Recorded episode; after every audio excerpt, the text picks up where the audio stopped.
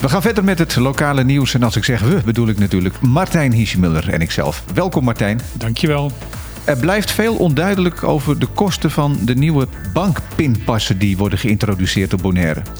Ja, dat klopt. De, de Bonaire Bankers Association heeft dus nu een persbericht uitgebracht waar ze dus eh, denken dat ze daarmee duidelijkheid scheppen.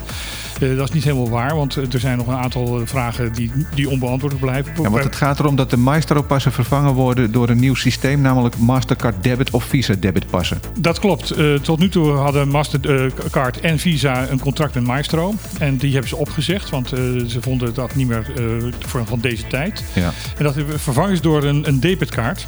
En daar zijn de kosten per transactie veel hoger van.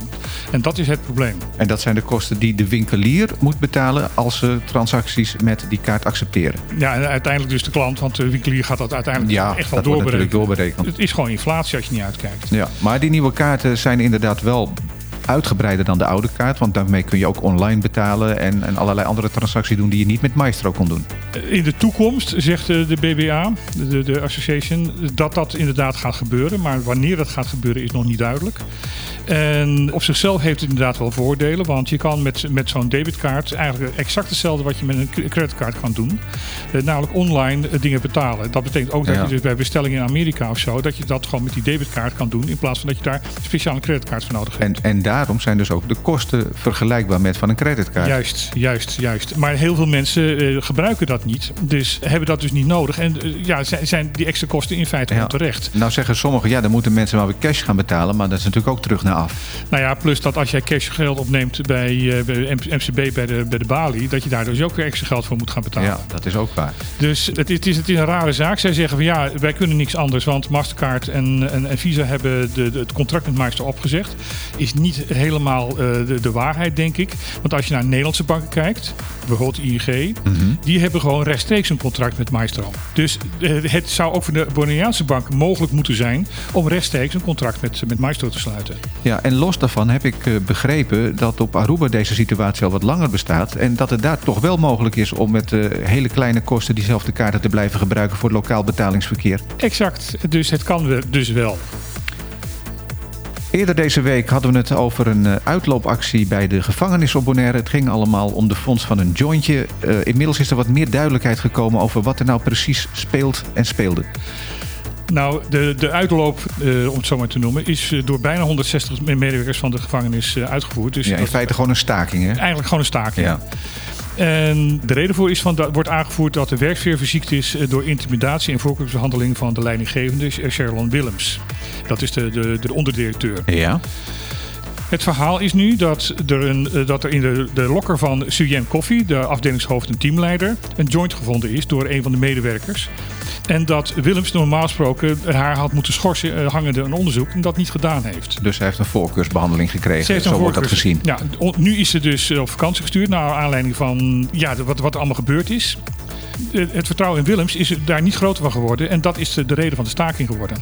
Ja, want volgens mij wordt er inmiddels door de medewerkers geëist dat eh Willem zijn biezen pakt. Ja, want ze zijn als dood dat hij uiteindelijk de hoogste baas gaat worden. De, wie wordt de, de Vries is dat. Willems ambieert in functie, wordt er nu gezegd. En eh, dat koffie dan op de- zijn positie terecht zou komen. En dat wil, de, wil het personeel voorkomen. Dat is het verhaal nu. Ja. Op dit moment wordt er weer gewoon gewerkt, hè? Op dit moment wordt er gewoon weer gewerkt. En zelfs dezelfde middag nog eh, zijn, is iedereen weer naar binnen gegaan. Het was een, een werkonderbreking om de, om de aandacht te vestigen op dit probleem. Ja. Reizen naar Bonaire wordt weer een stukje makkelijker. Want eh, volgens mij hoef je, als je naar Bonaire komt, alleen nog maar een gezondheidsverklaring in te vullen. Dat was voor mensen die ge- gevaccineerd waren, was dat al zo. En nu ook de ongevaccineerden. Oh, daar zit het verschil. Ja. Dus of je nou gevaccineerd of ongevaccineerd bent, je hoeft alleen nog maar een gezondheidsverklaring in te vullen. Dat, daar waren weer problemen mee dat dat niet goed werkte. Maar in ieder geval, dat is wat er nog geëist wordt. Ja, en dat geldt dus nu voor iedereen die naar Bonaire komt. Juist. Onafhankelijk van waar je vandaan reist. En wat, eh, wat voor prikken je hebt gehad. Dan gaan we naar het bruto binnenlands product in Caribisch Nederland. Dat is de afgelopen paar jaar gestegen van 26.000 naar 28.000 dollar. Ja, het is gemeten, dat is altijd bij dit soort statistische dingen eh, met een aantal jaren vertraging. Het is gemeten tussen 2015 en 2019. Dus de rampzalige jaren 2020, 2021 Zitten daar niet bij. zitten daar niet bij. Maar dat lijkt me best hoog, hè?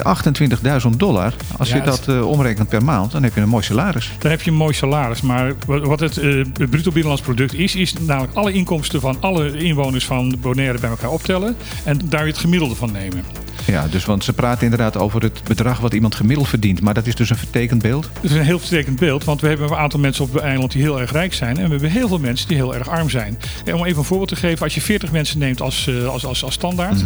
39 mensen verdienen daar 5000 eh, dollar per jaar mee. Ja? En één verdient er 1 miljoen. Dan heb je uiteindelijk een bruto binnenlands product van 29.000 dollar. Ja, dat is inderdaad een behoorlijk vertekend beeld. Ik ben veel nieuwsgieriger naar, naar een bedrag. Hoeveel mensen, hoeveel procent van de bevolking onder het sociaal minimum zit. Ja, nou dat is een flink percentage, En kan ik, je het- garanderen. ja, ja, zeker. Volgens mij zijn die cijfers er trouwens ook. Maar die, die, ja. worden hier in dit eh, artikel niet genoemd. Nu we het toch over cijfertjes hebben, ook nog even naar buureiland Curaçao. Want de begrotingscijfers daar worden niet door iedereen serieus genomen. Nou, en vooral door het college van Financieel Toezicht wordt het niet serieus genomen. Door het, het parlement wel, want daar is door, go- zijn de cijfers goedgekeurd. Ja. Maar het college Financieel Toezicht is dat, zegt dat het, de realiteitsgehalte van de begroting niet erg groot is. Wordt er een te rooskleurig beeld geschept? Ja, en er worden bedragen opgevoerd als inkomsten waar nog een wet voor gemaakt moet worden voordat die inkomsten ook daadwerkelijk gerealiseerd kunnen worden. Voorbaardig dus. Dat is dus heel voorbarig. En er worden een aantal eh, aftrekposten niet genoemd die wel genoemd hadden moeten worden. Curaçao zegt dit jaar eh, op een tekort van 162 miljoen uit te komen.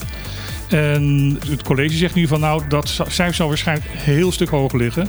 En wij kuren deze cijfers dus niet goed. Dus we moeten weer aan het werken met realistische cijfers eh, op tafel komen. En dat is wel de bedoeling. Ja. Dan gaan we nog even kijken of er wat veranderd is in de weersituatie. Nee hoor, het is exact hetzelfde als, eh, als gisteren. Eh, vanochtend was er een klein buitje. Eh, maar die was volgens mij heel plaatselijk en heel kort. Die is mijn hoofd voorbij geschoven. Nou, ik, ik werd er wakker van. Oké. Maar het is half bewolkt, overwegend droog. 31 graden in de middag. En in de avond zakt dat terug naar 26 graden. Windkracht eh, 4 tot 5, met geschieters naar 6. En ook de komende dagen en in het weekend zal het waarschijnlijk zo blijven. Nou, mooie paasvooruitzichten dus. Exact. En eh, eh, op zaterdag hebben we ook gewoon op de klippen. Ja. En daar komt, eh, als, als het goed is, deze keer wel JB Meijers. Want die is, was, was de, Ja, die, die die, was de af- afgelopen week was die de, de afspraak vergeten. die was inderdaad niet komen opdagen. Ik zal hem morgen nog even een berichtje sturen als herinnering. En als alles goed gaat, komt ook de korpschef eh, Rosales eh, van de politie. Komt Doe langs. maar, toch We- wel. Ja, we hebben vijf weken zijn we erover bezig geweest, maar we hebben nu toezicht dat die komt. Nou, spannend. Zaterdagmiddag dus, tussen 12 en 2. Ja, exact. Ik wens je hele fijne paasdagen. Tot aanstaande zaterdag. Ja.